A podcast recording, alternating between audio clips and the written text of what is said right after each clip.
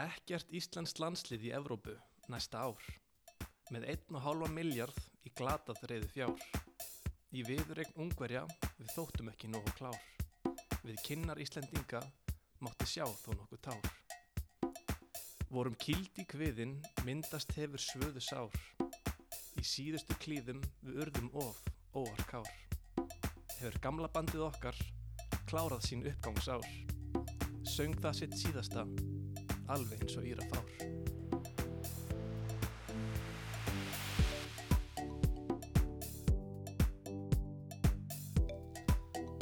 Já, frábært allir. Jú, Fínt jú, að þetta er bara glæslegt ljóð, já.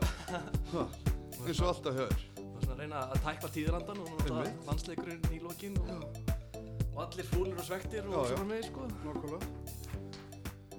Hvað segir Svenni? Ég segi bara flott, en þú, við erum komin hérna með uh, Alveg sleik. alvöru sleggju. Já, það er bara þarna ég, uh, engin annar en bara eitt farsælisti þjálfur á Íslandi og, og, og nú er þetta þingmaður Suðvesturs kjördamis í framsóknarflokknum. Já, ef ekki bara að vinda okkur í kynningun á hann. það ekki? Jú. Viðmælandi vikunar er eins og fyrri viðmælandur fættur í Reykjavík en hann fættist árið 1963. Hann er þingmaður Suðvestur kjördamis og hefur verið á alþingi síðustu sjö ár með stuttir pásu árið 2016-17. Hann tilir í framsóknarflokknum, elsta stjórnmálflokk landsins, en svo gamalli flokkurinn að regla berast fréttir af steingerfingum sem finnast víða um land með merki framsóknar.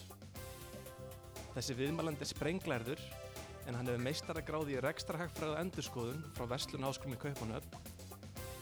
Einnig hefur hann kennsluréttindi frá Háskóla Íslands og síðast en ekki síst þá kláraði hann UEFA Pro License þjálfaragráðu frá Enska knaspinusambandinu árið 2010. Sjálfur átti hann hátt í 15 ára fyrir sem knaspindumadur á 8. og 9. áratug síðust aldar en meðfram því var hann einnig handbóltaþjálfari í næri áratug ásamt því að sinna kennslu í MK í heilt 27 ár.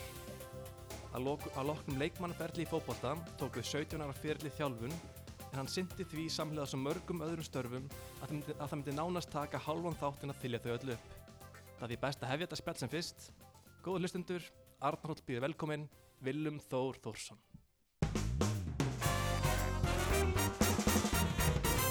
Hjartalega velkomin, Viljum. Já, þakka ykkur kjærlega. Ég, ég er nú svona bara rétt að jafna mig á þessum ingangsgjörnum. Hvernig er að hlusta á svona sögum sjálfan sig svona? Það, er, það getur bara verið bísna erfið, sko. Ég efast um því. ég hef fengið svona jafn langan og, Einmitt. og flottan pistil, sko. Og, og hérna, þannig að man, man, man setur alltaf í hljóðan, en ég ætla nú að segja að hér áðan var, var bara vel og dýrt kveðið, sko.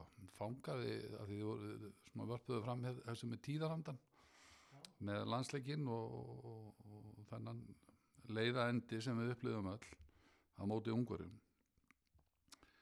en þá er alltaf svona í öllu sko, sérstaklega þegar kemur í íþróttum og þú tapar þá er alltaf fólkið í því svona ákveðu upphaf og tækifæri og því þú myndist á gamla bandið í, í vísunni sko, þá auðvitað hefði þetta verið bara afreg á heimsvísu ef þeim hefði tekist að komast hér í þriðaskipti á, á, á þetta. og, og, og eru búin að vera svo frábærir. En ef þú horfir bara greinandi á liðið og einstaklingana þá hefði auðvitað knaspindu sambandið og nýr þjálfari að mínu viti átt að fara í verkefnið Já, veistu það? já, Já. og, og hérna en, en ég hefði auðvitað ekki haft tækifæri til að segja þetta hér ef þeim hefði tekist þetta í þegar Akkurat. En allavega sko, getum við þó hort, hort á að það eru þó allavega alveg skýr tímamót um að ný uppbygging hefjist. Akkurat. Já, eins og ég sagði, sko, að maður svona kildur í magan með söðu sár, sko, þetta var svo sárt því þetta alveg bara á síðustu fimm mínúndunum þá töpum við leiknum. Já, já, já. Ég má bara byrja að skoða bara, sko, hvað, hvað maður þetta banta hótel næsta sumar, sko, eitthvað svoleiði, sko. já, já, gerðu allt rétt og það var eins og gætnan gerist í þessari uh, fallegu íþrótt að það var tilviljun sem að riði því að þeir í jafnaleikin. Já. Það var bara svona ping-pong eins og ágættur lýsandi sagði í, í beinni að, að bara ping-pong inn í teg og, og það fjall, fjall fyrir þá en, en hérna það var enginn að gera neitt rámt en nema kannski maður getur sagt að mann líður alltaf illa með það þegar að lið bakka of mikið. Og, og hérna það eru þetta tilneying þegar að þeir eru út með báða miðverðina annar, og þetta gamla búin að spila reyndar frábærlega og, og, og, hérna að, þegar það er farið að hægjast á þér og þú ert ekki í leikformi þá er tilneying til að, að ná ekki að þrýsta upp línunni inn, til að gefa miðjunu stöðning og bakka. Og þá bakkar all liðið með þér þá ertu einhvern veginn með þetta allt í fangjunum ég fannst það í raun og veru það sem að maður hafði ágjur af. Og, og, og í raun og verið gerðist. kannski hitt okkur illa sko en, en, en, en fram að því að þessi, þetta fellur fyrir það þá, þá voru þeir svo sem ekki að opna okkur. Þannig að ég ætla ekki að sitja hér og, og, og þykjast, hafa vita þessu öllu. Þú hefur nú vitað þessu viljum ég bara, ég ber svo mikla verðingu fyrir þessu liði að það, það, það er erfitt að sitja hér og, og vera eitthvað að gaggrina þetta Já, akkurat. Þeir hafa gert þetta eins og og fært þjóðinni þessar gleði stundir sko, sem eru bara þakkláttu fyrir og, og á ekki að leifa sér þó að svona hafi farið að vera, vera það er vandarsamt að gaggrina þetta. Já, en maður spyrja það sko, hérna, hann Hannes Þór, hann, markmaður kom í viðtal eftir leik já, og hann sagði sko uh, meðal annars, hann sagði hann sko maður eru aldrei örugum einsmarsk fórustu en okkur hefur tekist að sigla þannig leikjum heim í gegnum tíðina við erum góður í því og ég bjóst persónulega ekki við því að myndi fá á, á okkur tvö mörg svona seint í leiknum. Þú veist, hérna, hvað þýð þetta er, eru við orðinni fórnalan begi velgegni síðust ára að menn bara búast ekki við því að fá marki andlitið? Ég held að hann sé annars vegar að lýsa því sjálfströsti sem þeir hafa sjálfur staðið fyrir að byggja upp af því að þegar þú sigrar og, og, og, eins og þeir hafa gert og, náð þetta miklum árangri þá byggist upp sjálfströst á milli manna í liði og svona uh, uh, í liðsheldinni og hann er að lýsa því annars vegar og, og hérna þannig að tilfinning þeirra inn á vellinum er góð. Hún er, hún er, hún er byggð á þessu sjálfströsti og, og, en, en, en fótbolt enn og, þannig að þegar síst skildi þá þig sko eins og gerðist í þessu tilviki. Og ef maður horfir auðvitað alveg ískalt á þetta og, og reynir að vera ekki meðvirkur með þessu glæsilega liði að þá auðvitað voru komnar upp brotalamir, ég menna það, það, það verður bara að segjast, ég menna menn voru, eru að eldast í liðinu of margir sem er ekki að spila reglulega og þetta er allt sem þeir viðurkenna sjálfur og, og maður sá það þegar leið á leikin að, að menn, menn hafðu ekki kraft og orku til að stíga liðið upp og halda anstæðinum frá markinu því að það er alltaf auðvitað minni líkur að fá að þau marka því sem að þú heldur anstæðinum fjær í markinu og, og, og í þessu tilviki hittið þetta okkur. En við værum auðvitað ekki að ræða þetta á þessum nótum ef þeim hefði síðan tekist að- halda þetta út. Og það er þess vegna sem mér finnst vond að, sitja og, og sko gaggrina þetta eitthvað. Við höfum bara að þakka fyrir það sem við hafa fært okkur og gert vel. Og svo er það bara alltaf þannig að það, það kemur alltaf að endastöðinni þó hún sé sásökafull og, og þú viljir alltaf einhvern veginn kresta meira og, og hérna sem betur fyrir eigum við þetta fullt fullt af ungum og efnilegu leikmum sem að bara stíga inn í þessi skörð og það er það sem að e, það er svona uppbyggingar tímafél framöndan, það er alltaf líka skemmtilegt Já, já. En þá spurningi líka kannski bara þannig við horfum hans fram á veginn, bara hvar sérðu landsliði fyrir þér núna? Núna þegar Erik Hamrin er að hætta og hver á að taka við til dæmis? það eru margir góðar sem að að geta tekið við og hérna ég myndi nú alltaf sjálfur segja sko ég, ef, ef, ef, ef það er eitthvað þjálfara verkefni sem maður hefði viljað takast á við þá hefði það verið að þjálfa ís, íslenska landsliði sko. En, en sem betur fyrir þá ef ég, ég tek sjálfa mig frá þá er ég nú kannski ekki alveg í þeirri stöðu að vera, vera, vera endilega að horfa, að horfa það. Þá eigum við alveg frábæra þjálfara. Við eigum hérna, og þeir hafa verið nefndi til söguna Rúna Kristinsson, Heimir Guðjónsson og, og hérna við eigum líka eldri þjálfara sem að geta þetta. Ég meina Þorvaldur Öllíksson var hérna að þjálfa yngri landslið og er nú orðin aðstofað stjórnunar og, og hérna við erum með Eið Smára og Arnar Þór sem er að gera góða hluti með 21 áslið og svo er einhver stór hópur af útlendingum sem að, maður getur bara ekki metið sko. ég myndi treysta öllum þessum til að takast á þetta verkefni. Já, ok, þú minnst Þorvald Örlugsson sko, er hann, það er hérna, ég hef hýrt sko menn tala um það að menn veit ekki hvort hann sé aðstofa þjálfari eða alþjóri, hvort sé svona tveggja þjálfari kerfi eins og var með Óla Jó og Rúna í fyrra eða, eða hvernig er, en þú horfður þannig að hann sé aðstofa þjálfari Rúna Páls?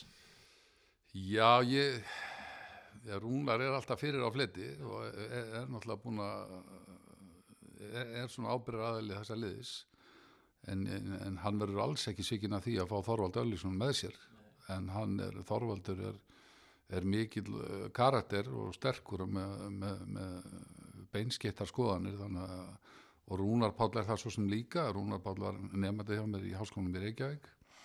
Og það þekki hann líka vel þannig að ég, þetta verður mjög spennandi duett, Já, það verður það. En ok sko, ef, við hérna látum landsliðans í friði núna og förum aftur í þig eins og, eins og ég sagði að það er svo mikið að störum manna sem hefur unnið sko ég kom ekki svolítið fyrir einni kynningu.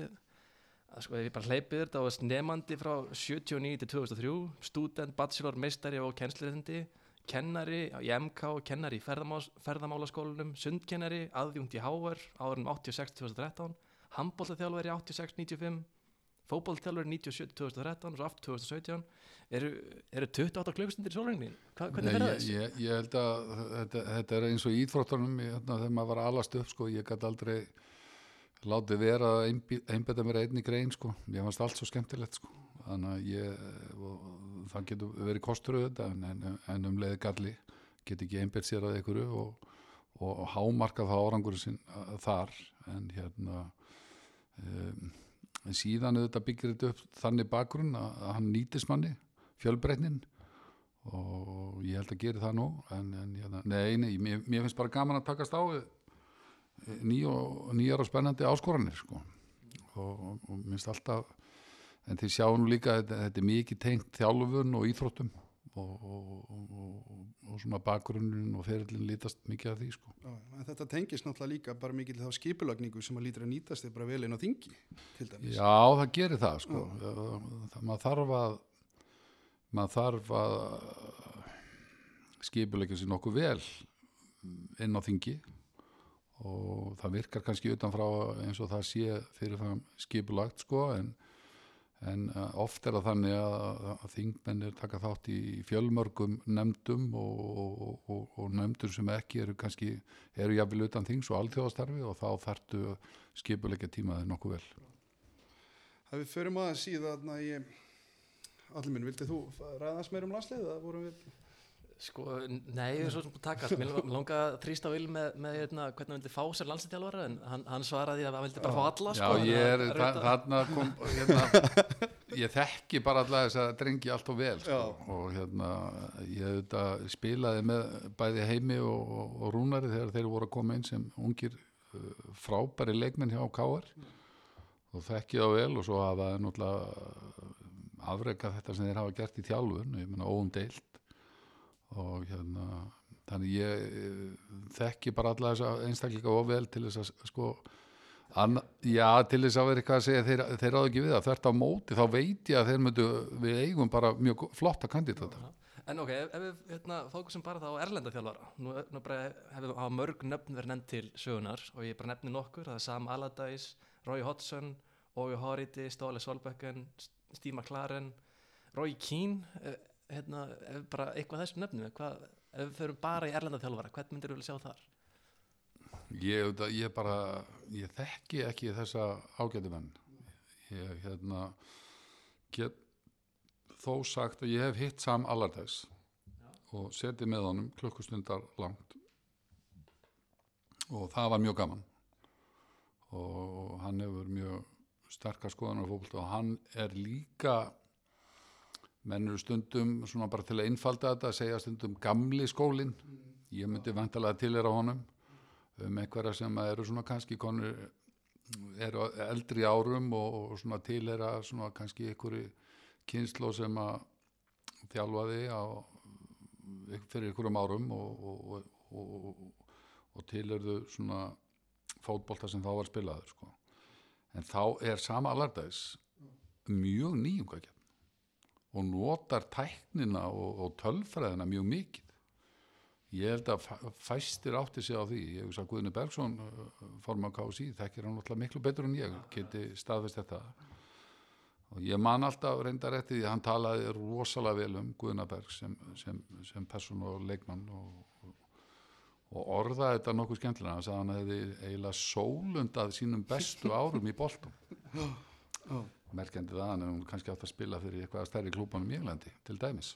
Já, og það er góð punktir hann líka, hann líka var að læra lögfræði meðan hann spilaði sem aðtum er já. hófaldar, mér staðslega magnað sko. Guðni var mjög fjöl, fjölöfur var meðal annars mjög góður handbóltamæður Já, meðal annars. Já, en hérna en hafði þennan hann hafði eiginleika í fótbolta hann var líkanlega mjög sterkur og svo var hann feikir hraður og, og hafði svona leiðtóa líka. Þetta nýttist honum þetta mjög vel í, í, í atvinnumennsku en samanlega þess væri áhugaverðu kostur. Þetta uh, klálega að því ég, ég get talað út frá því bara að hafa hitt hann. Og svo kom hann og var með fyrirlustur á námskeiði sem að, á prólæsins í Englandi þar sem að við Þorvaldur vorum saman. uh, þar voru margir gó, góðir, góðir uh, þjálfarar og hérna meðal annars Sjón Dæ sem er núna þjálfari bönni og hérna mjög skemmtilegu tími þetta tók tvö ár þetta, þetta, þetta nám.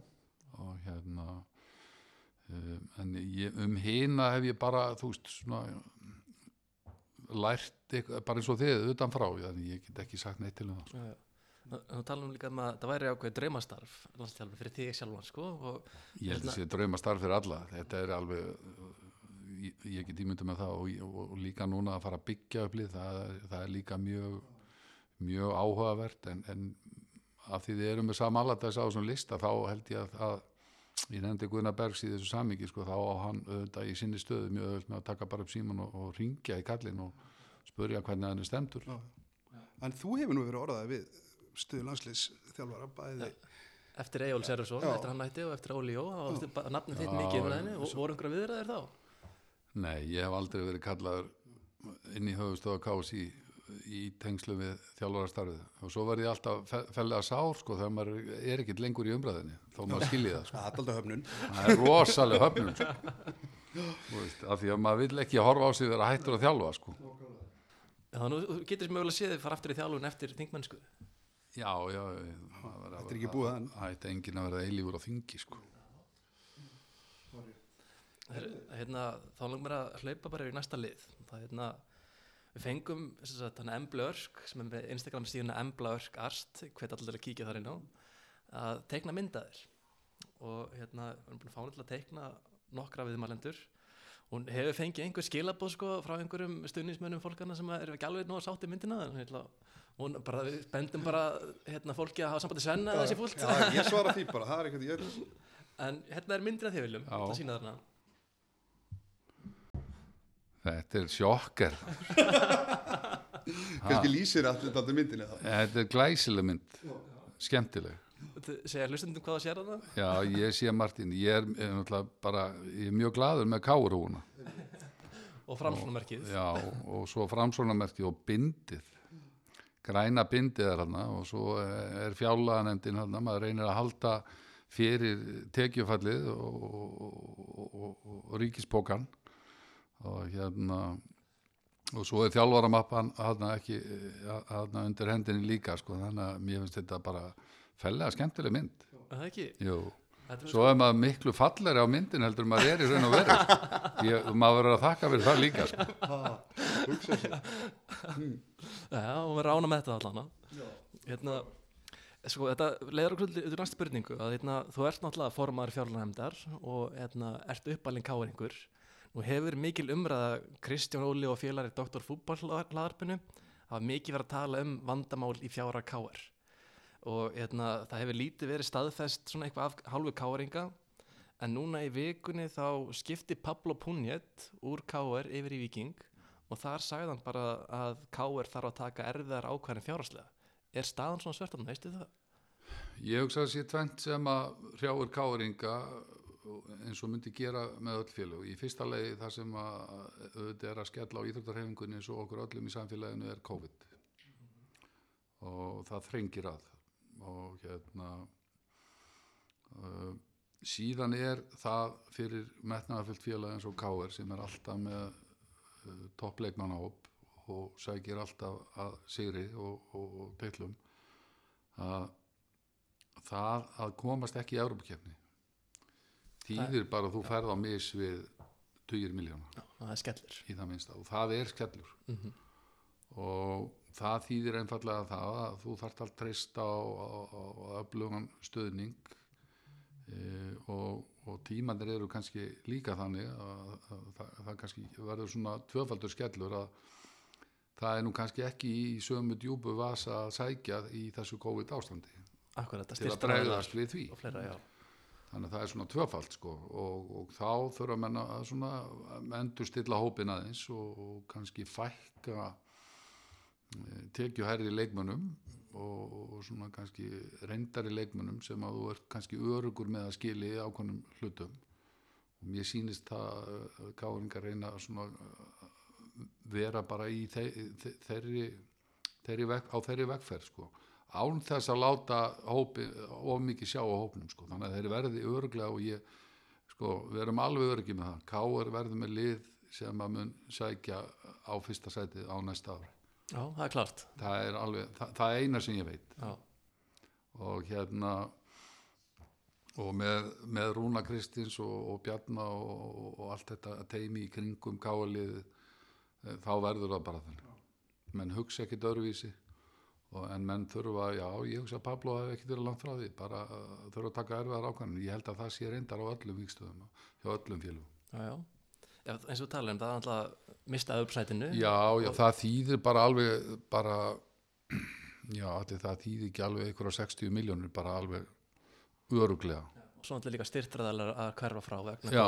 Og, og svo þriðja eplið í þessu er að náttúrulega við mistum af EM, þar sem hefði náttúrulega fært KSI alveg hellingstekjur. það hefði verið, það, já, kannski hefði það verið, við getum verið að tala um kannski 20 miljónir fyrir félagans og káar ef, að- sá penningur hefði skilað sér til KSI og þeir hefðu dreift þeim penningi á íþróttufélaginu eins og þeir, þeir gerðu hér um árið. Og hérna þannig að allt telur þetta og er, er auðvitað synd en, en hérna við komumst alveg yfir þetta bæði, bæði káeringar og fótboltinn sko. Já, en er, er Káni líka bara heppnir að hafa, formann fjárlægndar í, í sínum, sínum röðum? Hefur fundið eitthvað þrýstingur á káringum um eitthvað, eitthvað spáns eða færslur? smá ykkar fjármagn hér og það Já, ég, ég sko, menn leifa sér ofta að gantast sko, með þetta og hérna, en, en, en, en ég, ég get sagt ykkur það, það, það er það, það er ekki neitt tjekk eftir því miður sem að það var með sko. Það er ekkert skúfið það er nefnilega ákveðið skúfelsi sko. það er verið gaman. Já, Þannig við kannski förum aðeins í við færum bara yfir, yfir í COVID-ið Já, þá? förum aðeins í er smá- COVID-umræðina létt- Það er rétt að þarna, já, þegar það náttúrulega er svo rosalega stór hluti af í raun og veru þessi kjörtímbili er COVID, þetta er að taka heilt ár og svo framvegis. Nú er þú formað fjárlaganefndar. Mér langar daldi aðeins að spyrja það bara um sko, það var núna í mars þá til dæmis komuð þið upp með eh, eða þá sem sagt eh, kynntu efnarsaðgerir og þar var talað um að þær gætu nú með alltaf 230 miljörðum hefur þetta ekki farið vel yfir þann þá uppæð jú, það endar, endar, endar yfir þeirri fjárað sko. og þe- þetta, það nú kannski skipta þessu í kannski í tól hluta. Uh, fyrst þegar við þetta skellur á þá var fullkomin óvissa um og við trúðum því um allt sko. Og við trúðum því einhvern veginn að þetta væri bara skammur tími sem við þurftum að setja undir okkur hausinn og fara saman í að þessum tíma er, þarna víðir að tala um að við verum bara farin að grilla knúsum í júni sko. og allir tilbúinir í svona harðar sótarnaraðgerðir og, og svo bara e, sömulegis ríkistjórnin að að bregðast við með, með mótvæðisaðgerðum og, og staða ríkisjós sterk þannig að við myndum rúla þessu síðan kemur sumarið og svo skellur þetta á aftur. Og þá auðvitað verður að horfa á samengi hlutana af því að þetta, þá er, þá er sko tekju fallið og umfang mótvæðis aðgerða orðið þannig að þú verður að fara að horfa á þetta inn í lengri tíma vegna þess að við erum að sko einfaldamyndin er bara svona ég skal bara teikna hann upp að við erum með ríkisútgjöld þar sem við erum að fjármagna heilbriðiskerfi velferðarkerfi eh, skólakerfi og, og svo framvegis í ykkur þúsund miljardar umfang. Tekjufallið er þannig að, að, að það nálgast ykkur 300 miljardar og þá erum við að horfa ykkur 700 miljardar og staðan er þessi að lang umfangsmestu málaflokkanir til er að heilbriðis og velferðarmál það eru tvö ráðuniti heilbriðisráðundið og félags- og barnamálráðundið þau taka til sín hátt í 600 miljardar ef þú bætir síðan menta, menningar og íþróttamálurraðuniti við og vakstakjöldum þá eru tekinda búnir þá átti þetta að fjármagna sjö önnur ráðuniti og alla þá málaflokka sem eru þá yfir 20 talsins og til er þeim. Þá átti þetta að fjármagna það allt.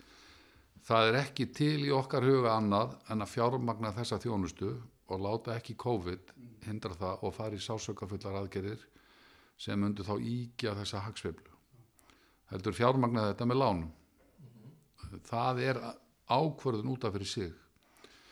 Uh, síðan koma til viðbótar mótvæðisagerðnar og nú er, erum við auðvitað að horfa á þetta þannig að þetta, þetta er eiginlega við erum að horfa á, á COVID út árið og inn á, á byrjun næsta ás að við erum að horfa á tvö ár svona.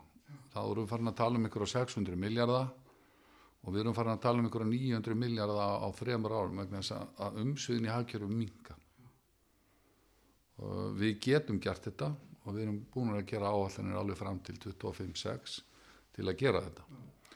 Það verður hins vegar mjög verðut verkefni fyrir stjórnmála menn inn í framtíðina tölum um á næstu árum um að, að, að, að sníða þetta ofinbæra kerfi okkar og alla þá þjónustu sem við viljum veita þannig að, að tekjur dugi og við getum farið að greiða niður skuldir aftur. En þannig að verður bara viðvarandi hallarekstur bara næstu 5-6 árin vegna þess að Já, við erum sko, við segjum að skuldasöfnuna þurfi að stöðva 2025 og við erum búin að klippa á það sem heitir fjármálareglur og, og, og skilir okkur til þess að halda skuldalutvalli ákveðnu, 30% af verðmættasköpuninni og, og skilir þau með heldar jöfnu þannig að við séum með jákvæða aðkoma á 5 ára tíðanbili og ég ætlum ekki að fara í svona teknilega hluti.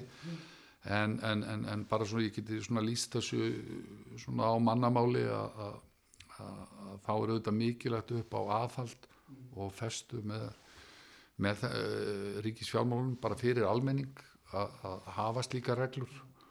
Og það er eins og það er alveg nöðsynlegt að taka þær úr sambandi núna þannig að við getum fjármagna þessa þjónustu og ég held að það, er, það er full samstað um það og hérna en við verðum samt að segja að við þurfum að ná tökum á þessu aftur og hérna við verðum auðvitað bara að trúa á viðspyrnuna og það er nú sannlega jákvæðar fréttir sem hafa verið að bera stund á þennan daga sem að gefa þetta í kynna og okkur mun takast þetta Algjörlega.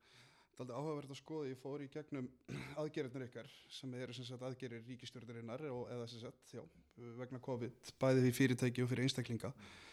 Þar fór ég og sá ég til dæmis hér er verið að sko, eh, í einu liðnum er hérna sóknin ísköpun, en þarna er verið að tala um spróta og nýsköpunar sjóðin, kríu, tækni þróunarsjóð, átökutin nýsköpunar í heilbriðstjónustu, aukna fjárfestinga heimild lífyrir sjóða og svo framvis. Þetta eru aðgerðir sem að nema alveg upp bara þreymið miljórum en á sama tíma hefur verið að leggja hérna, nýsköpunarmistu Íslands niður. Hvers vegna það?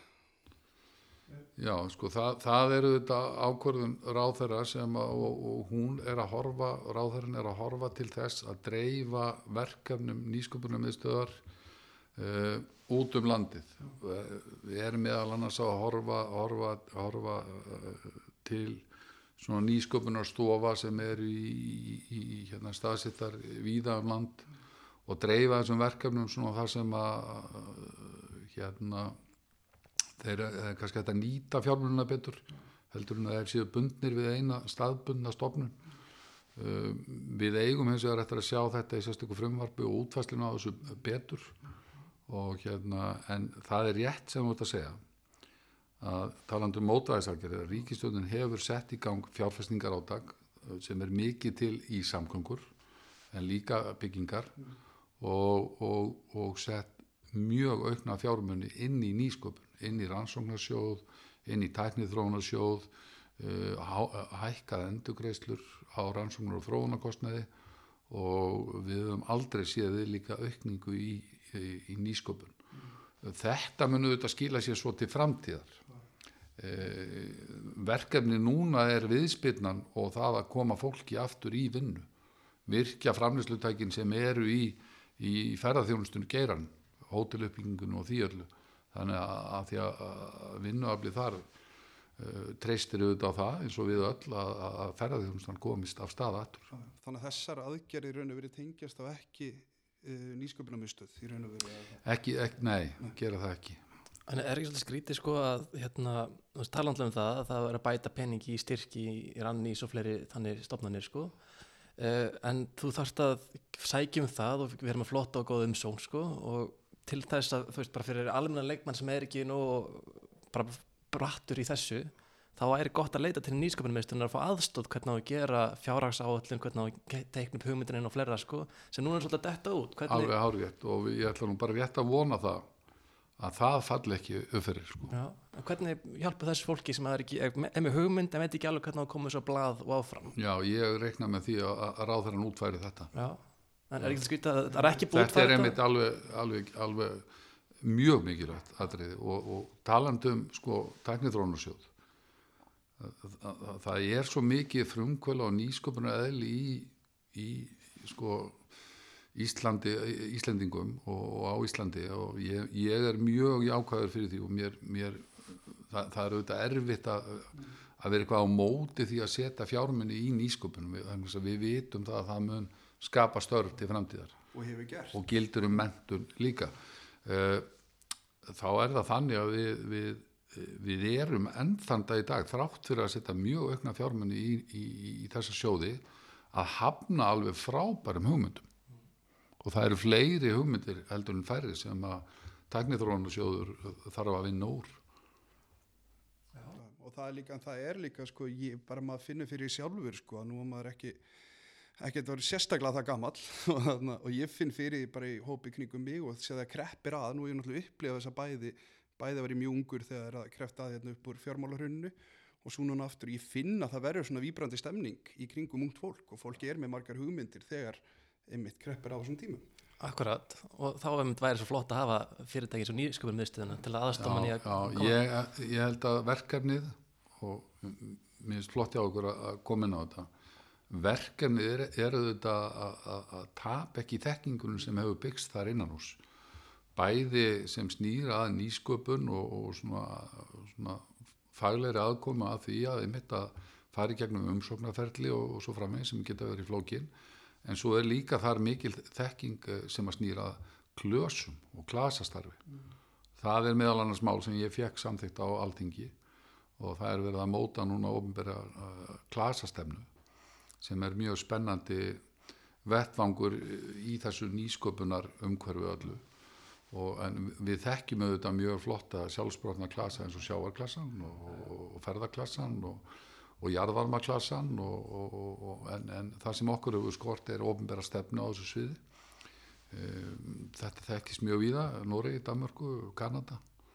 Og þannig að ég held að við séum svona við erum aðeins að vakna þegar að kemur að nýsköpum rannsóknum og þróun.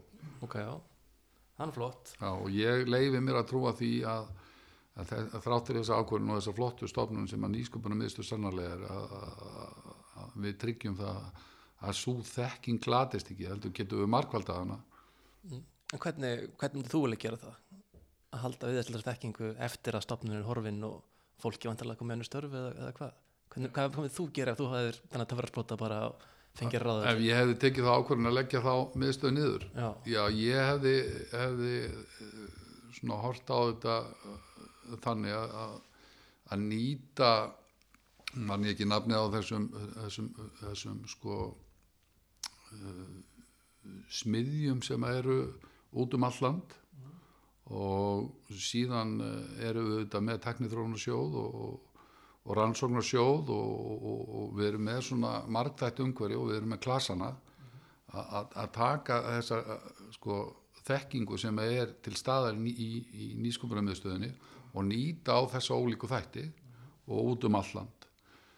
Síðan erum við með auðvitað fyrirbriði eins og byggða áallun, sóknar áallanir og, og svo er, eru fleiri verkefni sem ég kann nú ekki segja frá sem er inn í nýskumbrömmiðstöð sem er hægt að tengja inn í aðra stofnanir. En ég á eftir að að fara í kjölinn á þessu þegar ég sé þetta frá ráðherra. ok, já Hérna, svona síðasta svona varandi aðgerðir í COVID sko að hérna, það voru veitir styrki til fjölmiðla núna fyrsta september síðastliðin Já. og það alltaf var búin held ég fyrir COVID að þessi fjölmjöla yfir styrtir og núna er verið að tala um sko að þurfa mögulega hækka útvarskjaldið svo að rúf haldi velli sko því að alltaf auðlýsingartekið á þeim hafa líka mingaf en mér finnst þetta áhört í ljósið sko að hérna, fótbolti.net sem er miðl sem að við báðir skoðum við allir skoðum mikið sko. Að hérna, hann fær enga styrki og samt er þetta sko ef við berum hann saman sko við MBL Sport, Vísi Sport og Djefaf þá er fótboll.net að fá meiri flettingar heldur þeir allir samans. Þú veist, af hverju er, er hann skilin út undan frá þessum hinnum af hverju er að styrkja samgefnisaðalan en ekki þennan aðila? Já það, er, það er í raun og veru margar spurningar í, í, í þessum ingangi sko. Ég get alveg viðkjönd að ég alveg hundfúlt af fótbolti.net eh, eins skemmtilegur og, flottur miðl þeir eru að við, að við orðið út undan í þessu. En það fjall á einu orði sem heitir fjölbreytni. Uh, nú var það sett inn í, í reglugjörð ráð þeirra að, að staðbundnir fjölmiðlar uh, verðu undanþegnir þessu matskenda ég verði að segja, þetta er matskend uh, það að, að, að það sé fjölbreytt efni. Uh, og, og þannig að það, það voru svona staðbundnir miðlar sem að fengu styrki. En svona sérhæðir miðlar, þar var dregin lína í sandin, þar sem var fótbolti.net út undan í þessu, eins og fjölmargir aðrir miðlar sem að sinna, sinna svona sérhæðu efni því miður vegna þess að en eitthvað staðar uh, með takmarkaða fjármunni verður að draga línu í sandin en ég, ég verð að segja það mér fannst þetta ósengjant og mér fannst þetta miður.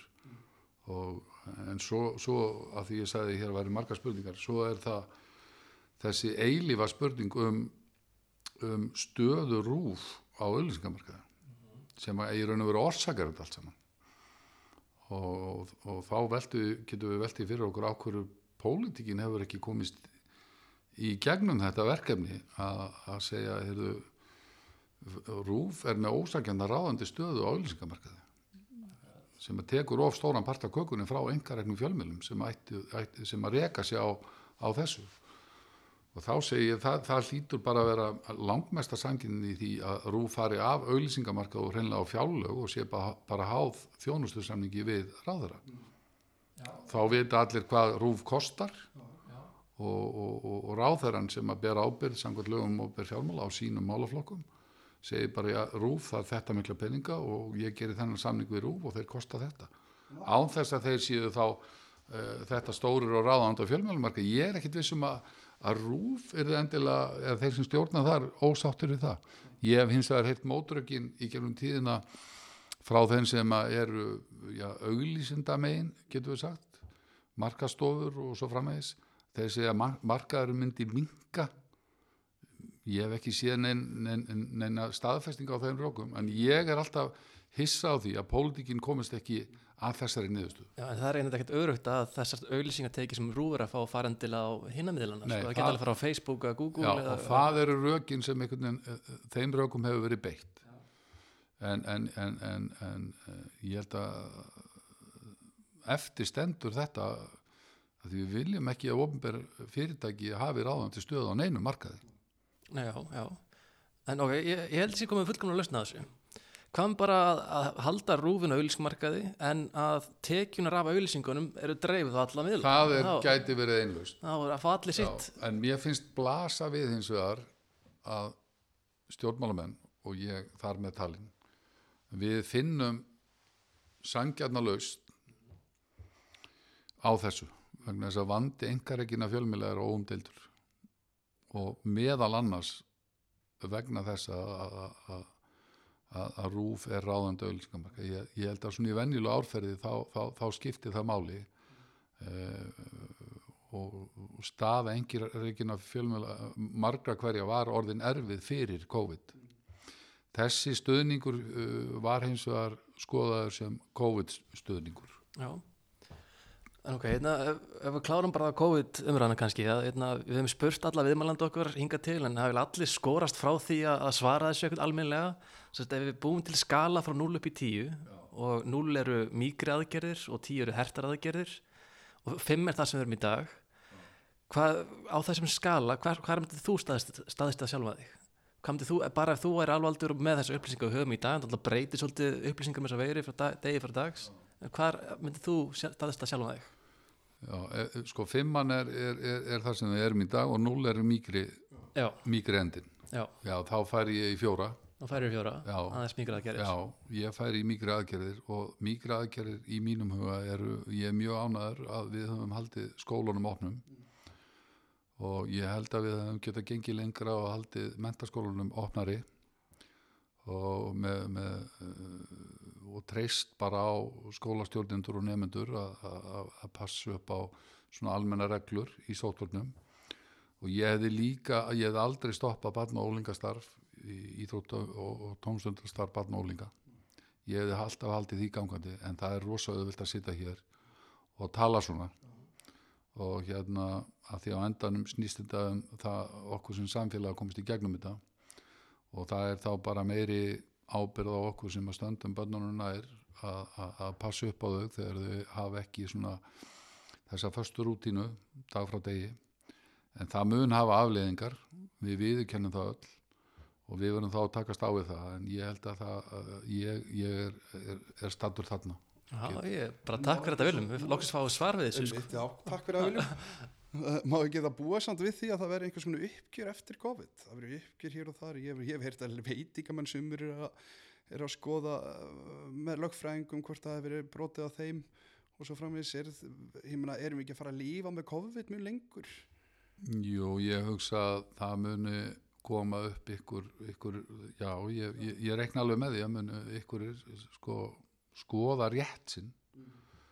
Uh, og fá í tengslum við þær efnaðsaðgerðir sem hafa verið í, uh, með það að markmiði að, mæta þeim sem er að verða fyrir skakkaföllum og uh, lokunastyrkinu voru til dæmis talandum að draga línu í sandin það er nefnilega býstna erfitt að að dreifa almanna fíu uh, með jafnbræði og í huga. Og þar var til dæmis tekin svo afstafa að, að, að þeir rinnu til þeirra sem var gert að loka. Og þá getum við hortið veitingastaða sem er ekki gert að loka en þurfa að sæta alls konar takmörkun Akkurat.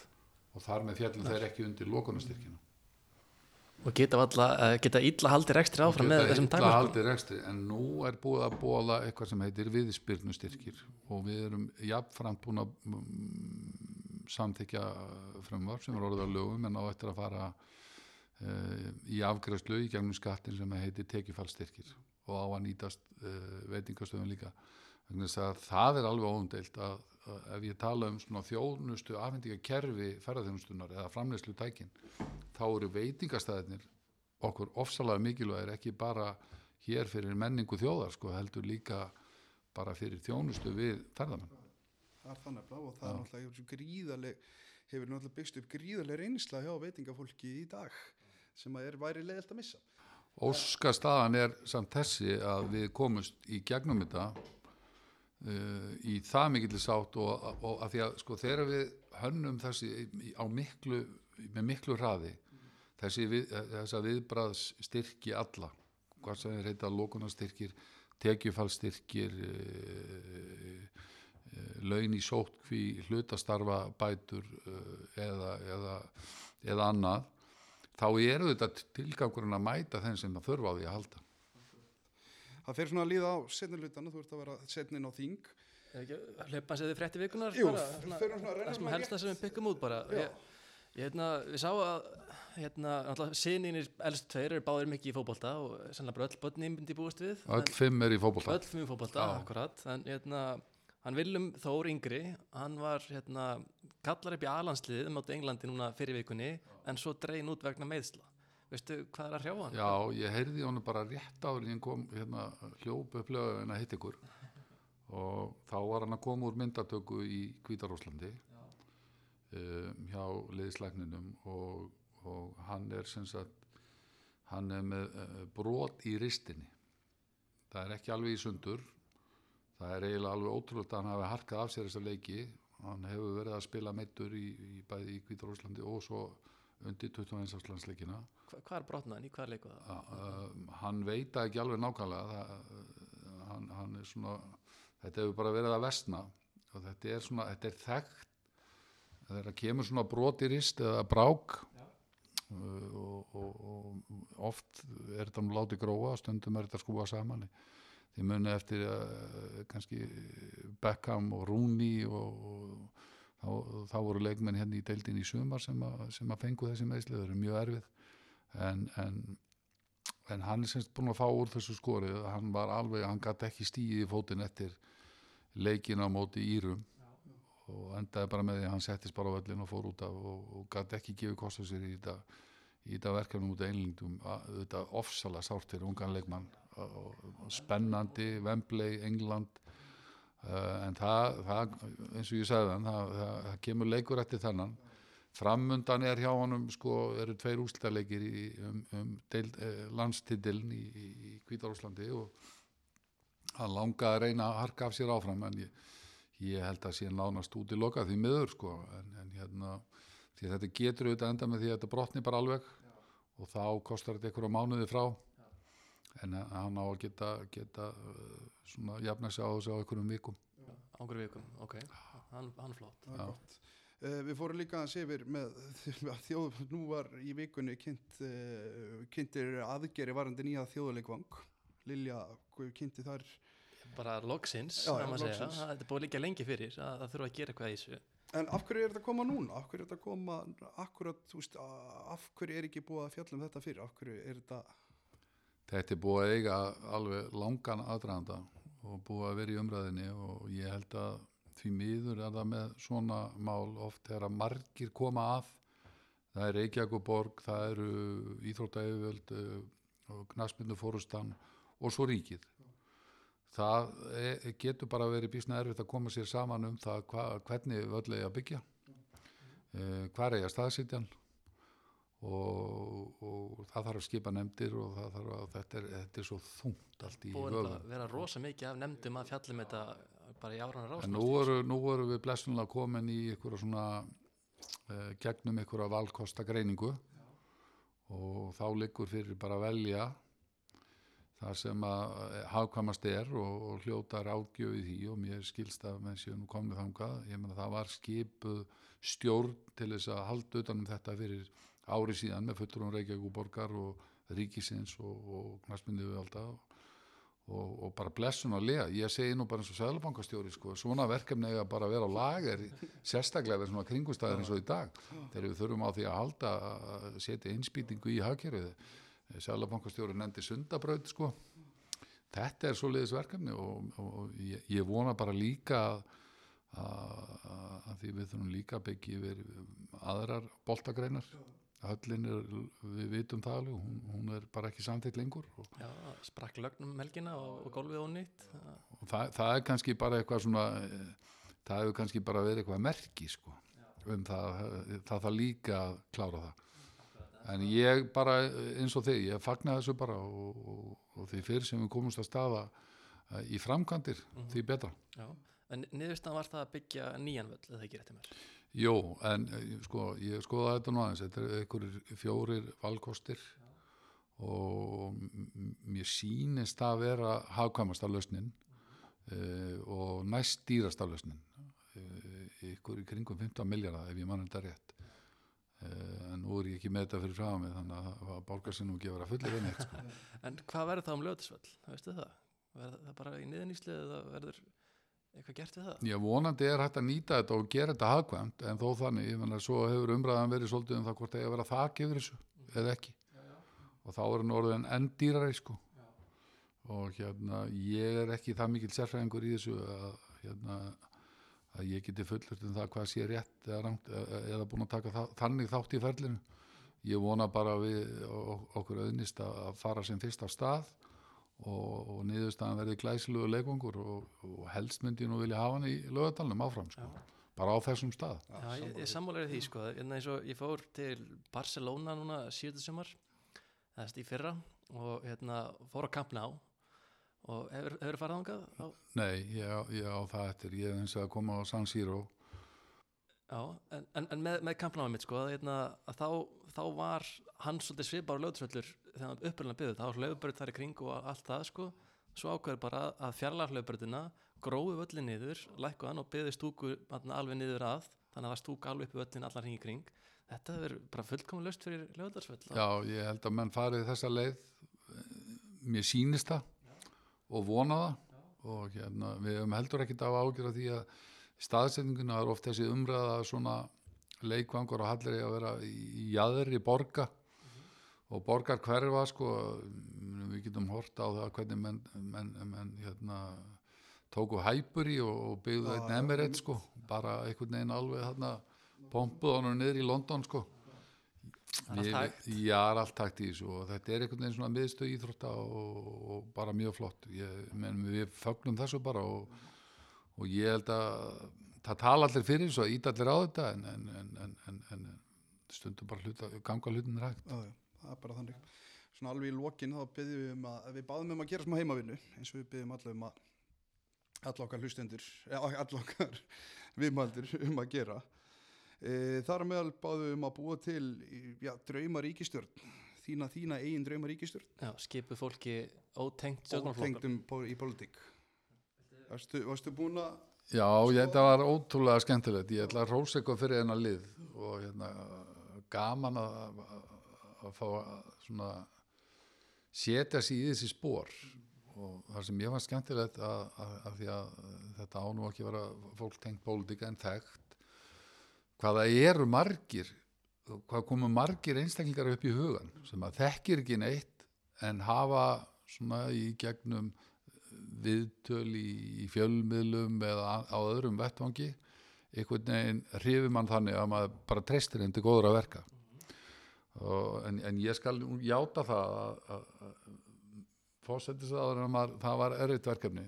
Við erum nú blessunarlega, heppin með uh, núvarandi fósettisaðura sem er afar afar góður leiðtói og ég myndi að hugsa að sko, ég, ég þarf að finna einhvern einstakling sem að sem að hefur sko, þá eiginleika að halda saman liði. Og hæfileika. Og, já, og hérna og það, það var nú svona eini einstaklingun sem ég þekki persónulega sem ég ákvaða að setja í fósleitsræðandi og er, er, er, er uppeldis vinnur minn og heitir Stefán Arnarsson hann er líka þjálfari fram í handbolta og þjálfaði íslenska kvennalandsliði og hefur þessa eiginleika. Ég er margfaldur meistari og, og kann að byggja upp liðsild og góðan liðsanda. Og hann er líka afar rétt sín og, er frábær verkstjóri ríkistjórnar og hérna en hann hefði líka sko hann hefði henda ágætlega í félagsmálaráðandi en, en við höfum hann í fórstæðsráðandi það er þessi sem já, hann er, er og vera framsóknum að líka? Ég, ég ætla að vona hann stiði vinsi ég bara, ég leiði mér að trúa því. Já, en ég treysti honum mjög vel í þetta og það, það er nú fyrst og reynst vegna þess að hann hefur náttúrulega sínt þessa hæfileika sem þjálfari. Og þá ef við færum okkur yfir í að sko fjármála efnagsáðra þá, þá komu tveir upp í hugan Gilvi Sóuka sem er hagfræðingur og er í peningastefnunemnd hann er náttúrulega með fræðilega bakgrunn en hann líka myndi alla, allar hans greinar eru svona skinsanlega skrifaðar. Hann, hann- kemur vel fyrir og hann hefur þennan eiginleika að koma svona koma hlutum frá sér á mannamáli. Og, og hann líka þekkir mjög vel samspil peningastefnu og fjármálastefnu sem er talið mjög mikilvægt í dag. Þannig ég myndi treysta honum, ég myndi líka treysta henni ástísi Kristjánsdóttur vel í þetta verkefni sem er, er hjá samtökum já, aðdumlýsis einmitt já. og hérna, hún kom líka upp í hugan já, hún gefur líka frábæra já, hún hefur ekkit ósvipað eiginleika á gilfi og hérna að geta svona líst hlutum á, á svona, og hefur svona hefur líka svona ákveðna svona sjarmerandi framkomu. Svona passlega nákafa þegar hún er að segja frá hlutum og hérna hún myndi koma vel til greina. Ég hafði svona bara þegar ágjörð því þegar ég var búin að ákveða þessi tóna ég kom með tvo miðaldra kalla sko. þetta, lít, þetta bara lítur ekki nógu vel út það skiptast einhver upp og hvað er maður stattur í, þessu, sko, í þessari veröld sko. þannig að í félagsmálarandi þá kom Hrafnildur á skúladóttir landsleikja frá upphæfi hún er náttúrulega bara það er mikill eh, sko, kraftur sem fylgir henn og gleði, ég veit ekki hvort ég muni eftir henni í viðtölum, þetta er leiki og svo var hann að þjálfa líka. Í BF, hún er mentaður kennari og, og ég, hún hefur alla eiginleika til að taka vel undanum viðkvæma málaflokka í félagsmálaröðundinu. Heilbríðisáðandi, þá er ég ennþá uh, að horfa til íþróttamanna og íþróttafólks, Katrín Jónsdóttir, læknir og, og fyrirlið íslenska landslýsins til margra ára. Uh, er hún ekki leikið hæst líka? hún er, Eða Sa- Sa- Sara Sara taka- Björk gæti verið að hafa tekið af henni, hún var leikjahæst lengi vel Og Lengi. Óttars. Í eh, gamla íþróttakennara? Jú, Karlsson, já, það passar. Hún verið geggjuð. Hún er rétt sýtt leitói sem að hún var alltaf tilbúin til að gefa allt fyrir held, heldina og svona svo ára bara einhvern veginn stafað af henni. Þannig að ég ég myndi vilja sjá hana þarna og svo myndi ég gera Janus Guðlusson aðstofamann uh, og, og, og, og sjá um líðhelsu þátt þáttinn. Janus? Uh, Janus Guðlusson hann fengið að hlutverka hrindast að þjóðar átaki í líðhelstöngdu forvörnum hann skrifaði hér, hér uh, hann er doktor sem að skrifaði hér rannsókn þar sem að staðfesti það að við getum verið að halda okkur í, í góðu líkamlu formi út æfina á efri árum. Og hérna ég, ég, ef maður fær að ákveða aðstofamenn nú er Birgir Jakobsson, gammal köruboltamaður og landlæknir, hann er aðstofamaður heilbriðisáður í dag. Nú í samgöngu og sveitastjónaraðandið þá var ég nú bara að horfa á svo frábæran þátt hér í gær uh, Tryggvi Snær Hlinsson atvinnumæður í körubolta við þurfum að hafa einhvern veginn ríkistjóninni sem við verðum að sko neyðumst til að horfa upp til. Um hérna ég hreifst svo að því hvernig hann svona lísti því að hann hefði ætlað sér að verða bóndi og hvað hann var hóvar með þennan atvinnumannaferilsinn. Og, og svona var í sterkum tengslu við náttúruna en, en svona þar sem þau eru í sveit staðsett sko þá ætti hann að bera mjög mikið skimbra á mikilvægi samgangnum. Ég leiði mér eins og að efast um hennan bílskróðu sem hann var, að, var svo hrifin að kera, ég veit ekki hvort það hefði séð hann þátt. Ég sá, sá eitthvað um að þetta, hérna, þessi, þessi jörð sem var, var að leiðin í eyðið áður en að fjölstan eða sískinni tók hann yfir eitthvað. og móður hans var hér uh, uh, formaða bændarsamtökana Já. þannig að ég ákvaða að- að að setja hann í, í samgöngu sveitarstjórnaráðundið og allir horfið upp til. Mér finnst það- góð nálguna, allir horf upp til hans. Heyrðu, menta og menningamarvaðara Jón Jónsson. Hann auðvitað Söngvari. Já. hann er með, hann sko, hann tekkar í öll bóksin hann auðvitað var fýtt fótboltamaður.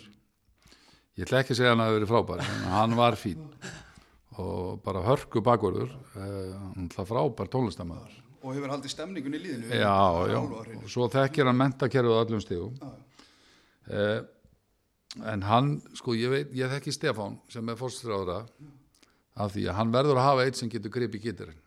Vegna þess að hann er alltaf gleði og Stef, uh, sko í kringu Stefán. Þetta eru fjör ríkistjórn. og, ein, og, og einkennislægið uh, þessar ríkistjónar á að vera það hversir það rignir hann stittir alltaf upp á lignir og við þekkjum Jón Jónsson sko, hann breytir dimmu í dagsljós með horrið þannig að ég held að þeir tveir munu alveg tryggja það saman að það verður gleði í þessari stjórn uh, Dómsmálaráðandi það er Vilhjálmur H. Vilhjálmsson lögmaður stjórnulegfræðingur. stjörnulögfræðingur ég skipaði hann sem bakverð í þróttarliðin í Kanada og hann sá alltaf um uppbytun og hann talaði mikið í uppbytunni og kyrjaði gjarnan frelsi í afbreytti breðalag og þá getum við átt á okkur því hvað hann þykist er í pólitík. Ég held eins og að hann sé fram svona maður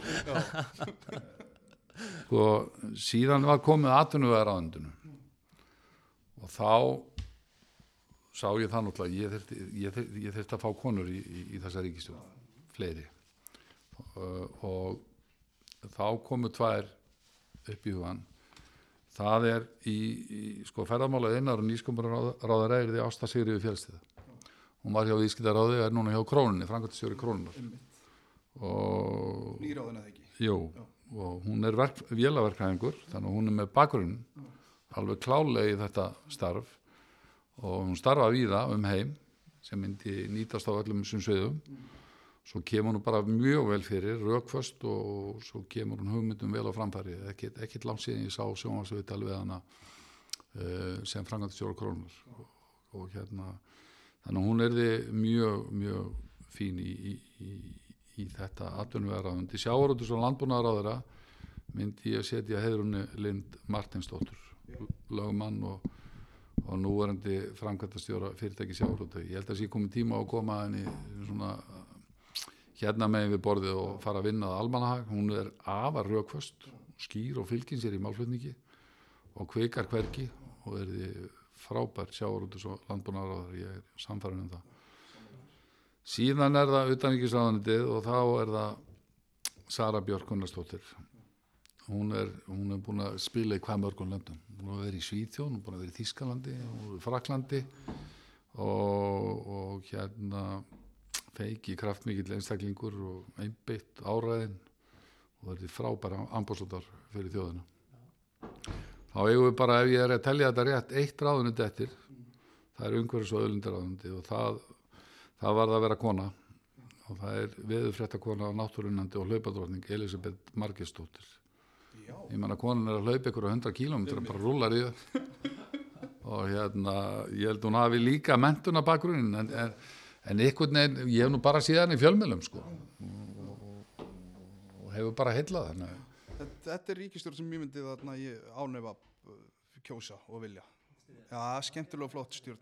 Við erum eiginlega fallir á tíma með því, þú ert eiginlega að vera sinna, sinna á fund. Við lögum samt sem áður líka fyrir því að þarna sem er skemmtilegu lið líka, það er að setja sem sett frá vinstri til hægri. Daldið. Sett ræða flokkum á þingi frá vinsti til hægri þetta, mér fannst þetta, mér, það sem mér fannst frábært við þetta að setja sig í þessar stellingar að hugsa að því nú er maður alltaf að bara dag frá degi að vinna með fólkinu í mismundi flokkum og maður hefur tilningu til að gleyma því svona fyrir hverju flokkarnir endilega standa heldur að bara svona leysa málinn frá degi til dags. Og þetta er ekkit alveg skýrt þegar maður þarf að fara að horfa á þetta. En ég setti nú vinstri græna lengst til vinstri og hérna og samfélkinguna og svo pírata flokk fólksins, það er svolítið erfitt að meita flokk fólksins. Já, já, fólk er að baðast til hægri og vinstri hérna. Já og þau eru þetta bara tvö einhvern veginn á harða löpum uh, og, og eru þetta að standa sér feikilega vel þau tvö þetta, það eru mörg verkefnin en, en þau eru svona tala mikið svolítið fyrir sömu málunum. Það er erfitt að staðsynda þau, ég setti þau nú samt þarna á eftir pírutunum og svo eru við akkurat í miðunni og ég held að það sé staðan sko, við erum miðjuflokkur. Já, við erum sannarlega miðjuflokkur og síðan setti ég viðreist þar á eftir sjálfstæðarflokkin og lengst til hægri setti ég miðflokkin Sem að kalla sig þó miðflokk. já, hvers, hvers já, vegna? já mér, mér finnst þeir bara já, mér finnst þeir einhvern veginn tala þannig sko og þó þeir gefið sér út fyrir annað. Og hérna e, en ég skal alveg viðkynna það, þetta er nú svona meira gert á tilfinningunni heldur en það að ég hafi raðað niður einhverjum málum og reynd að stilla skalanum þannig upp já, okkur, já, þetta er enda byggt á tilfinningum þannig að það var þannig, að- þú er nú ekki svo eini sem hefur sett miðflokkin lengst til hægri hjá okkur hinga til Nei, þeir, þeir eru En ég meina geta þeir líka bara nokkuð niður viðkjönd að vera þar. Ég meina fyrst þeir eru að kannski að daðra við sumar svona, sem að sumi sé öfgahægri stefnur. Akkur ekki bara þá að taka, taka því. Já, ég, ég, það, það, það er einmitt góð spurning sko. Ég hugsa að þeir myndu nú bara alveg kannast við það sko. Ég myndi reikna með því. mm já, og, og situr framsálflokkin að náli í miðina og hérna, Svenni talaði um einhvern þætti hérna, að fannst framsálflokkin að vera alltaf kameljón sko, Já, svona, ég er samt mjög hrifin, sko. svona, Já, svona dansar hinga og já hanga ég, sko, það kann að hljóma neikvægt að vera kameljón. nei, ég, ég meina það ekki Nei, þannig, ég sko. veit það og sko, ég tek því ekki þannig. Ég ætla bara að tala út frá mér. Að, sko, af hverju er ég framsvonumæður? Ég spyr mér stundum að því. Og kosturinn við framsvonumflokkin er þetta uh, frjálslindi sem að byrtist í því að maður er ekki veist, það, það er ekki erfitt að hafa sína skoðanir, skynsumi skoðanir á málunum þú getur fundið fleiri skoðanir en eina inn í flokknum á þess að rekist í burtu með það það, það, það er svona ákveði umburlendi fyrir því að það sé greinarmunur á skoðunum í tilteknum málum. Það finnst mér vera frálslindi uh, að samaskapi er, er þessi félagsíkju þráður að ég myndi nú svona staðsetta sjálfa mig svona meira til hægri en vinstri. Uh, en, en, en, en það er mjög sterkur félagsíkju þráður í, í fransvonarflokknum sem, að- sem að byggir á gömlum merk, alveg þessum rúmlega 100 ára merk uh, þegar menn voru hér í ungmennafélögin er að byggjast upp og, og, og sjálfstæðist baráta í alglemingi og, og hérna og sá þráður hefur haldið mjög stert í framsvonarflokknum og, og, og ég samsama mest við Já, ok, þá kannski færa okkur í síðasta liðin að það er íhald til frjálstendis ræða aftur flokkunum á þessum skala? Þetta, þetta var enn erfiðara. Þetta er eiginlega bara Þetta þykir að erfast. á, á tíma uh, hugsaði ég bara, heyrðu, ég skil bara ekki alveg hugtökin hvað felst í þeim? Og þetta, mér finnst þetta frábært að þið velti þessu svona upp. Ég eins og bara sagði, ok, ég bara set tilfinninguna í þetta. Ok, og píratar eru lengst í vinstri þá Frjálslyndasti. Frjálslindasti flokkurinn. Já, það kann að vera að maður gæti alveg svona farið í ykkur að rökraðu gegn því þannig að þeir ver- eru oft svona með svona óhefbundar hugmyndir um hlutina. Svona nýjar hugmyndir já. já, og hérna geta verið íhaldsamir eða, eða þröngsýnur oft ég veit ekki hvað ég á að kalla á móti en, en, en, en ég, ég hugsi myndi nú setja á þannig uh, síðan er ég með viðreist og hérna og, og svo samfélkinguna það er mjög erfitt að ráða í samfélkinguna um, þú finnur mjög ólíka skoðanir eftir einstaklingum inn í samfélkingunni í gegnum tíðina. Eh, síðan myndi ég setja okkur klárt frá, út frá því sem ég var að tala um á það aftur í miðina já og, og hérna Vafgi er ég með reyndar hann já, já, síðan Vafgi á eftir okkur það, þeir eru þá orðnir íhaldsamari heldur en við. Sjálfstæðisflokkin flokkfólksins og miðflokkin eh, myndi ég segja að væri mesta íhaldið á þingi. Var ekki spurning. Það var alltaf einn svona loka spurning sem lókar að spyrja það. Er staða framsóknarflokksins og þá sérstaklega höfuborgarsæðinu. Núna var að koma skoðanakönnun hjá uh, MMR, eða ekki, MR, var það ekki rétt allir, var það ekki MMR? Já, skoðanakönnun frá þeim sem er bara glæni. Þar kemur fram að staða sko, framsóknarflokksins á höfuborgarsæðinu er bara mjög slæm. Og hvernig ætla framsóknarflokkurinn að skapa sér stöðu á höfuborgarsæðinu? Þetta þetta, þetta er góð spurning sem við spurjum okkur reglulega að og við eigum, sko, engan í borgarstjórn, við eigum einn bæjarfulltrúa í Kóbói, einn í Hafnafjörði og svo eigum við tvo á þingi. Og hérna þetta er alvarleg staða og okkur hefur ekki tekist og það er hægt að fara áratugin aftur að- tala fyrir borgarlegri málefnum, ef svo má segja. Og þessu þurfum við að breyta, við verðum bara að horfast í augu við uh, þróunina.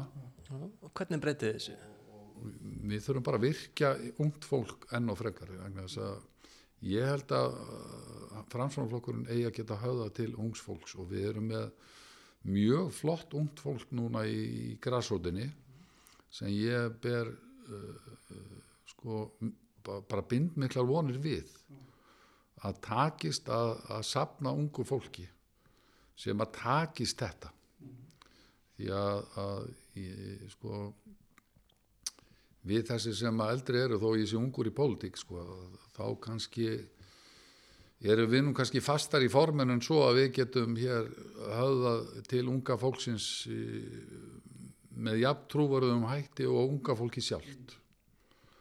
Og þess, að ég, ég ætla að rósa ykkur fyrir þennan þátt í leðinni Þannig að það er svona þáttur sem getur svona aukið áhuga og virkni ungs fólks ég í pólitík og hérna það er það sem þarf að gerast vegna þess að, að stjórnmálun eiga að vera aðlagandi vettfangur fyrir sem flesta, flesta aldursópa og mikla breytt í samfélaginu.